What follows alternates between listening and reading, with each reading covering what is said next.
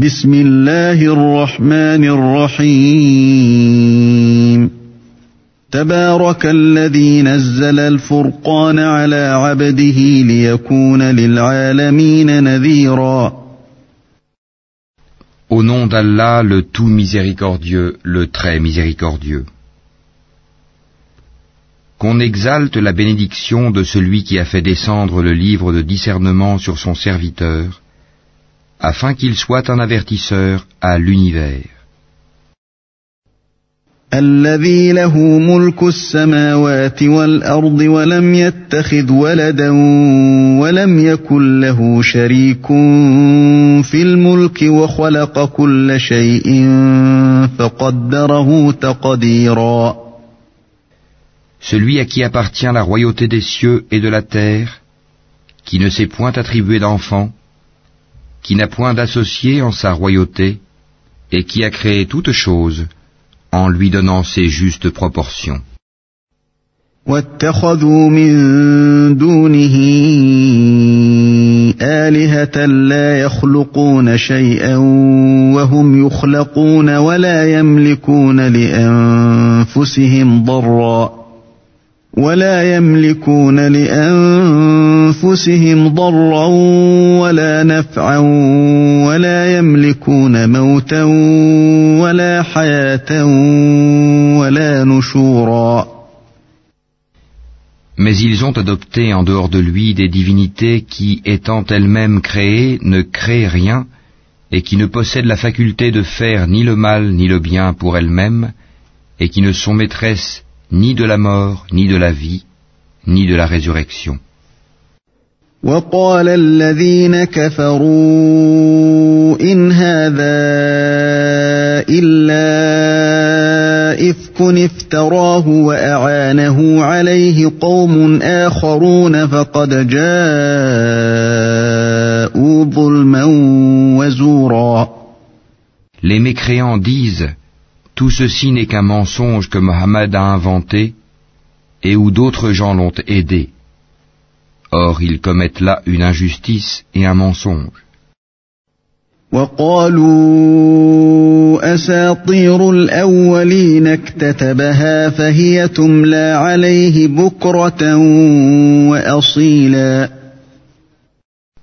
Et ils disent, ce sont des contes d'anciens qu'il se fait écrire on les lui dicte matin et soir.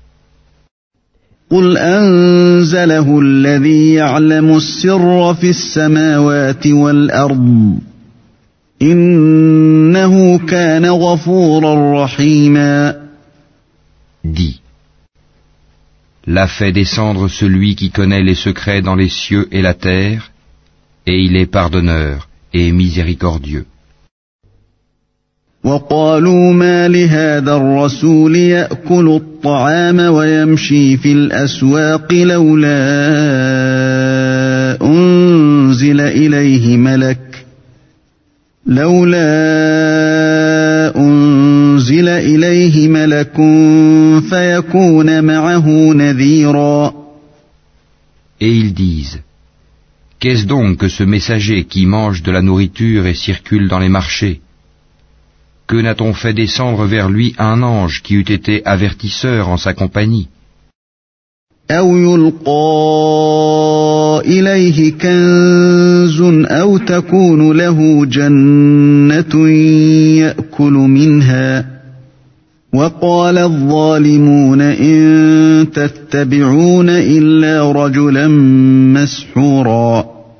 Ou que ne lui a-t-on lancé un trésor?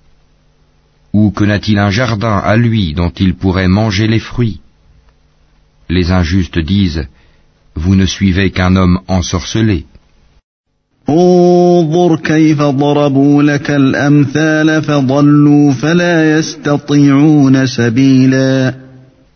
Vois à quoi ils te comparent. Ils se sont égarés, ils ne pourront trouver aucun chemin. تبارك الذي إن شاء جعل لك خيرا من ذلك جنات تجري من تحتها الأنهار ويجعل لك قصورا Béni soit celui qui, s'il le veut, t'accordera bien mieux que cela, des jardins sous lesquels coulent les ruisseaux, et il t'assignera des châteaux. بل كذبوا بالساعة وأعتدنا لمن كذب بالساعة سعيرا Mais ils ont plutôt qualifié l'heure de mensonge. Nous avons cependant préparé pour quiconque qualifie l'heure de mensonge une flamme brûlante. إذا رأتهم من مكان بعيد سمعوا لها تغيظا وزفيرا Lorsque de loin elle les voit, ils entendront sa fureur et ses pétillements. وإذا ألقوا منها مكانا ضيقا مقرنين دعوا هنالك ثبورا Et quand on les y aura jetés, dans un étroit réduit, les mains liées derrière le cou, ils souhaiteront alors leur destruction complète. لا تدعوا اليوم ثبورا واحدا وادعوا ثبورا كثيرا Aujourd'hui, ne souhaitez pas la destruction une seule fois, mais souhaitez-en plusieurs. قل أذلك خير أم جنة الخلد التي وعد المتقون كانت لهم جزاء ومصيرا Dis, est-ce mieux ceci, ou bien le paradis éternel qui a été promis aux pieux comme récompense et destination dernière لهم فيها ما يشاءون خالدين كان على ربك وعدا مسؤولا Ils auront là tout ce qu'ils désireront et une demeure éternelle. C'est une promesse incombant à ton Seigneur. ويوم يحشرهم وما يعبدون من دون الله فيقول أأنتم أضللتم عبادي هؤلاء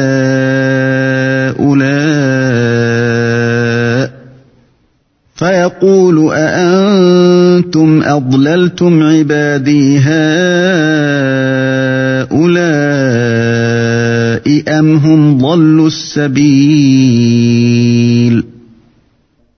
Et le jour où il les rassemblera, eux et ceux qu'ils adoraient en dehors d'Allah, il dira, Est-ce vous qui avez égaré mes serviteurs que voici, ou ont-ils eux-mêmes perdu le sentier قالوا سبحانك ما كان ينبغي لنا أن نتخذ من دونك من أولياء ولكن متعتهم ولكن متعتهم وآباءهم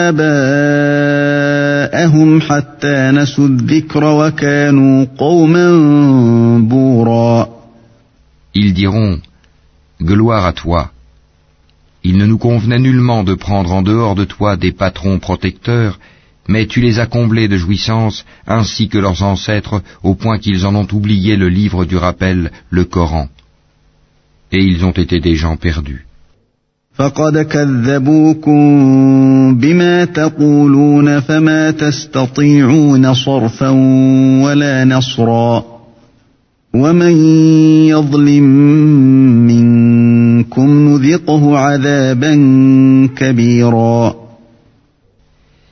Ils vous ont démenti en ce que vous dites. Il n'y aura pour vous ni échappatoire ni secours possible. Et quiconque des vôtres est injuste, nous lui ferons goûter un grand châtiment.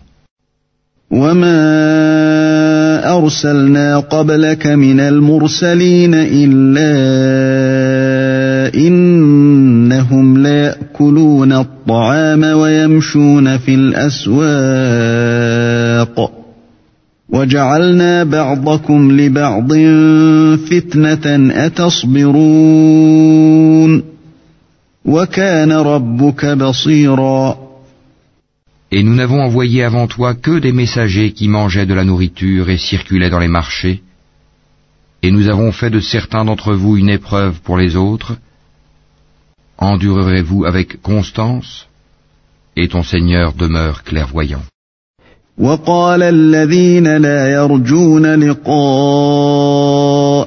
لولا أنزل علينا الملائكة أو نرى ربنا لقد استكبروا في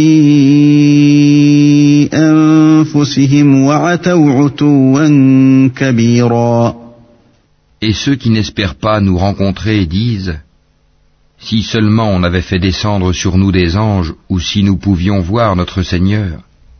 En effet, ils se sont enflés d'orgueil en eux-mêmes et ont dépassé les limites de l'arrogance.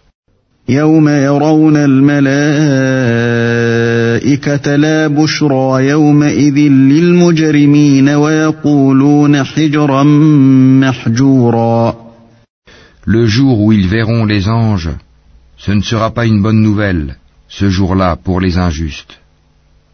Les anges diront, barrage totalement défendu.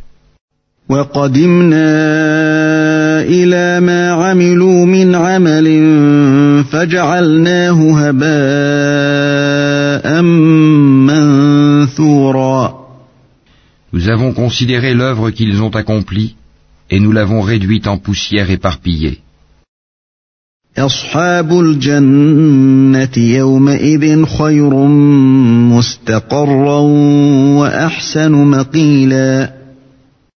Les gens du paradis seront ce jour-là en meilleure demeure et au plus beau lieu de repos.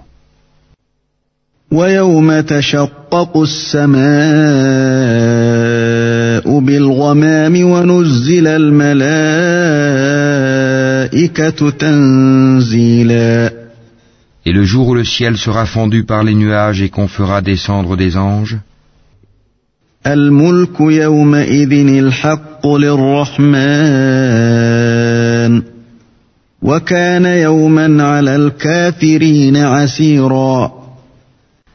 Ce jour-là, la vraie royauté appartient au tout miséricordieux et ce sera un jour difficile aux infidèles.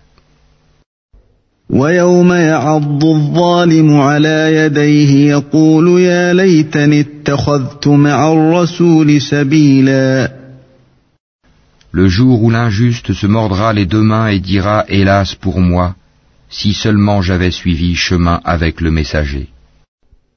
يا ويلتى ليتني لم أتخذ فلانا خليلا Malheur à moi, hélas, si seulement je n'avais pas pris un tel pour ami.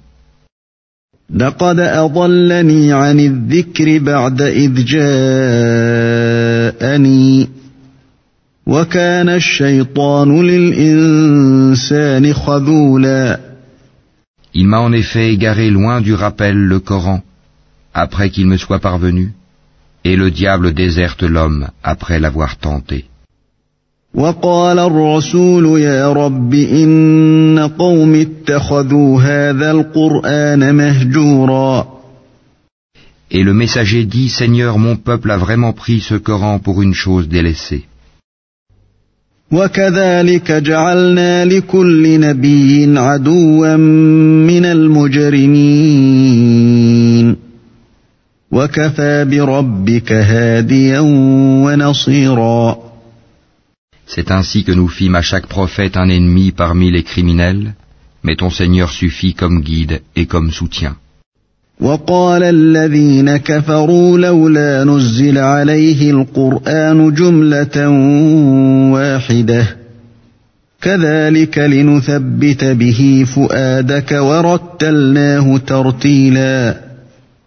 Et ceux qui ne croient pas disent pourquoi n'a-t-on pas fait descendre sur lui le Coran en une seule fois? Nous l'avons révélé ainsi pour raffermir ton cœur, et nous l'avons récité soigneusement.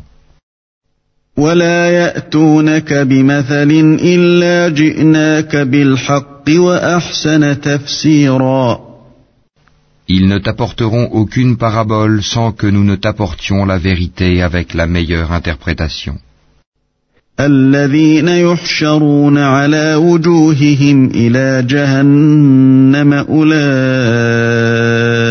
شر مكانا وأضل سبيلا Ceux qui seront traînés ensemble sur leur visage vers l'enfer, ceux-là seront dans la pire des situations et les plus égarés hors du chemin droit. ولقد آتينا موسى الكتاب وجعلنا معه أخاه هارون وزيرا En effet, nous avons apporté à Moïse le livre et lui avons assigné son frère Aaron comme assistant. فقلنا اذهبا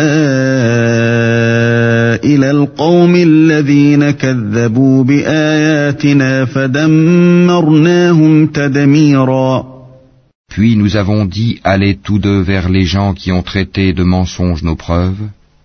Nous les avons ensuite détruits complètement.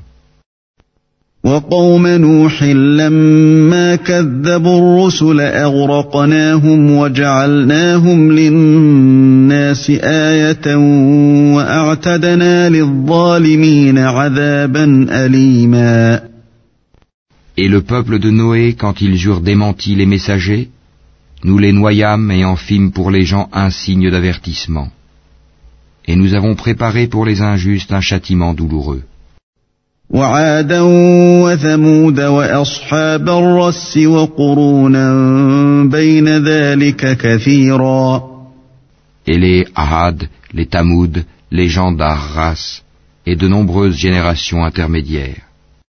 وكلا ضربنا له الأمثال وكلا تبرنا تتبيرا À tous, cependant, nous avions fait des paraboles, et nous les avions tous anéantis d'une façon brutale. ولقد أتوا على القرية التي أمطرت مطر السوء أفلم يكونوا يرونها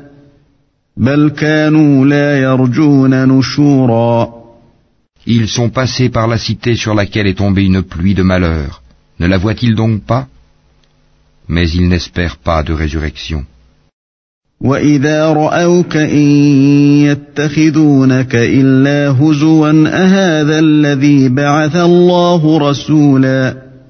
Et quand ils te voient, ils ne te prennent qu'en raillerie. Est-ce là celui qu'Allah a envoyé comme messager? إن كاد ليضلنا عن آلهتنا لولا أن صبرنا عليها وسوف يعلمون حين يرون العذاب من أضل سبيلا Peu s'en est fallu qu'il ne nous égare de nos divinités, si ce n'était notre attachement patient à elles. Cependant, ils sauront quand ils verront le châtiment, qui est le plus égaré en son chemin. أرأيت من اتخذ إلهه هواه أفأنت تكون عليه وكيلا Ne vois-tu pas celui qui a fait de sa passion sa divinité Est-ce à toi d'être un garant pour lui أم تحسب أن أكثرهم يسمعون أو يعقلون إن هم إلا كالأنعام بل هم أضل سبيلا Ou bien penses-tu que la plupart d'entre eux entendent ou comprennent Ils ne sont en vérité comparables qu'à des bestiaux, ou plutôt ils sont plus égarés encore du sentier. ألم تر إلى ربك كيف مد الظل ولو شاء لجعله ساكنا ثم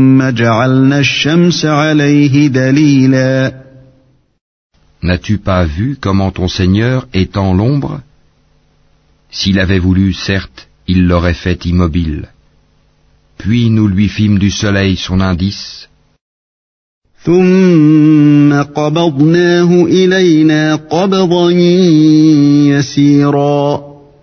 Puis nous la saisissons pour la ramener vers nous avec facilité.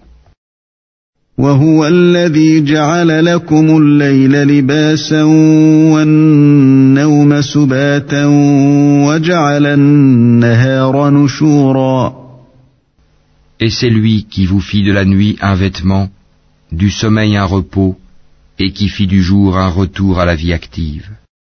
وهو الذي أرسل الرياح بشرا بين يدي رحمته وأنزلنا من السماء ماء طهورا Et c'est lui qui envoya les vents comme une annonce précédant sa miséricorde. Nous fîmes descendre du ciel une eau pure et purifiante. لنحيي به بلدة ميتا ونسقيه مما خلقنا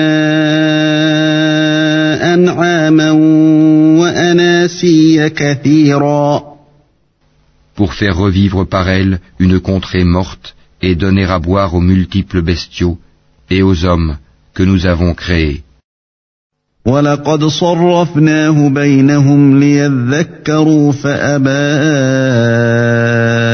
أكثر الناس إلا كفورا Nous l'avions réparti entre eux afin qu'ils se rappellent de nous. mais la plupart des gens se refusent à tout sauf à être ingrats.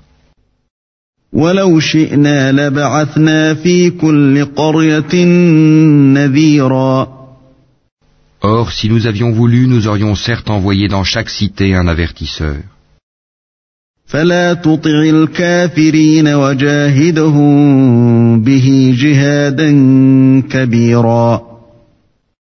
N'obéis donc pas aux infidèles, et avec ceci, le Coran lutte contre eux vigoureusement. وهو الذي مرج البحرين هذا عذب فرات وهذا ملح أجاج وهذا ملح أجاج وجعل بينهما برزخا وحجرا محجورا Et c'est lui qui donne libre cours aux deux mers, l'une douce, rafraîchissante, l'autre salée, amère. Et il assigne entre les deux une zone intermédiaire et un barrage infranchissable. وهو الذي خلق من الماء بشرا فجعله نسبا وصهرا وكان ربك قديرا Et c'est lui qui de l'eau a créé une espèce humaine qui l'unit par les liens de la parenté et de l'alliance. Et ton Seigneur demeure omnipotent. ويعبدون من دون الله ما لا ينفعهم ولا يضرهم وكان الكافر على ربه ظهيرا Mais ils adorent en dehors d'Allah ce qui ne leur profite point, ni ne leur nuit, et l'infidèle sera toujours l'allié des ennemis de son Seigneur. وما أرسلناك إلا مبشرا ونذيرا Or, nous ne t'avons envoyé que comme annonciateur et avertisseur.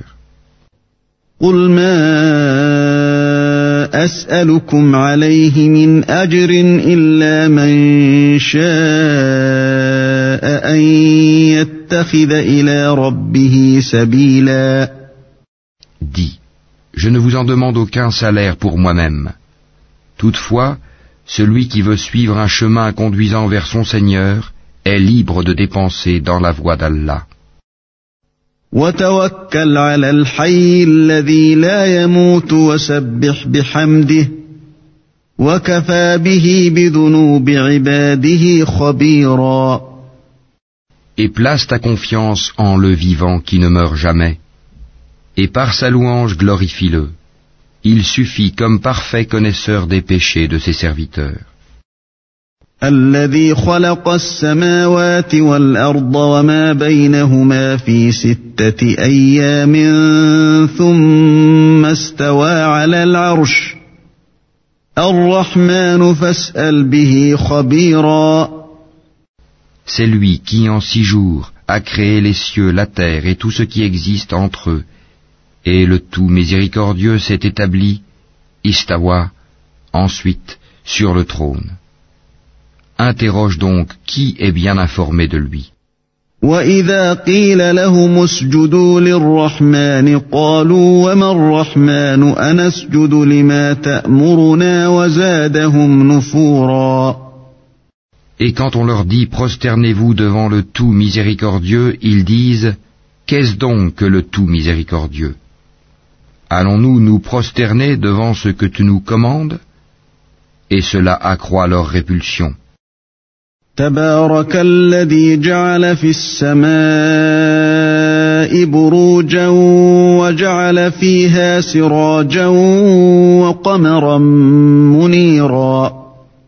Que soit béni celui qui a placé au ciel des constellations et y a placé un luminaire, le soleil, et aussi une lune éclairante.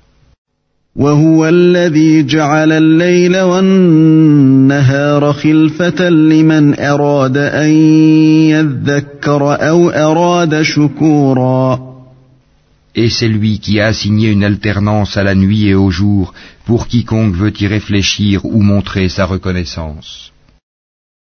وعباد الرحمن الذين يمشون على الأرض هونا وإذا خاطبهم الجاهلون قالوا سلاما Les serviteurs du tout miséricordieux sont ceux qui marchent humblement sur terre, qui lorsque les ignorants s'adressent à eux disent paix. والذين يبيتون لربهم سجدا وقياما qui passent les nuits prosternés et debout devant leur Seigneur. والذين يقولون ربنا اصرف عنا عذاب جهنم إن عذابها كان غراما Qui disent Seigneur écarte de nous le châtiment de l'enfer car son châtiment est permanent. إنها ساءت مستقرا ومقاما Quel mauvais gîte et lieu de séjour. والذين إذا أنفقوا لم يسرفوا ولم يقتروا وكان بين ذلك قواما Qui lorsqu'ils dépensent ne sont ni prodigues ni avares mais se tiennent au juste milieu. والذين لا يدعون مع الله إلها آخر ولا يقتلون النفس التي حرم الله إلا بالحق ولا يزنون ومن يفعل ذلك يلقى أثاما Qui n'invoque pas d'autre Dieu avec Allah et ne tue pas la vie qu'Allah a rendue sacrée sauf à bon droit. qui ne commettent pas de fornication, car quiconque fait cela encourra une punition.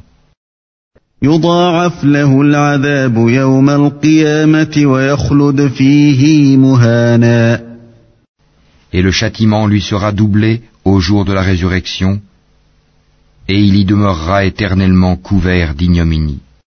إلا من تاب وآمن وعمل عملا صالحا فأولئك يبدل الله سيئاتهم حسنات وكان الله غفورا رحيما Sauf celui qui se repent, croit et accomplit une bonne œuvre, cela Allah changera leurs mauvaises actions en bonnes, et Allah est pardonneur et miséricordieux.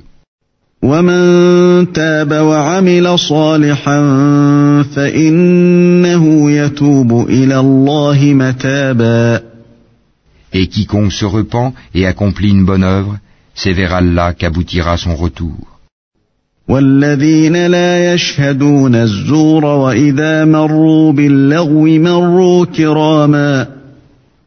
Ceux qui ne donnent pas de faux témoignages et qui, lorsqu'il passe auprès d'une frivolité, s'en écarte noblement.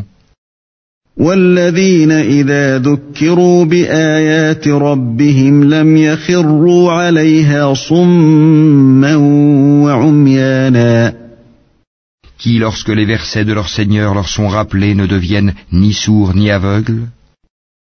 والذين يقولون ربنا هب لنا من أزواجنا وذرياتنا قرة أعين واجعلنا للمتقين إماما Et qui disent, Seigneur, donne-nous en nos épouses et nos descendants la joie des yeux et fais de nous un guide pour les pieux.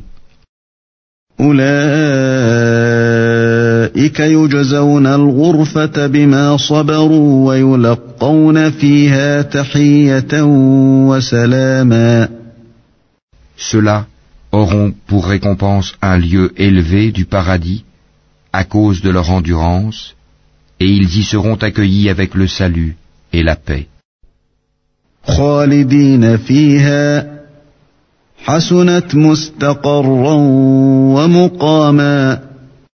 Pour y demeurer éternellement, quel beau gîte et lieu de séjour.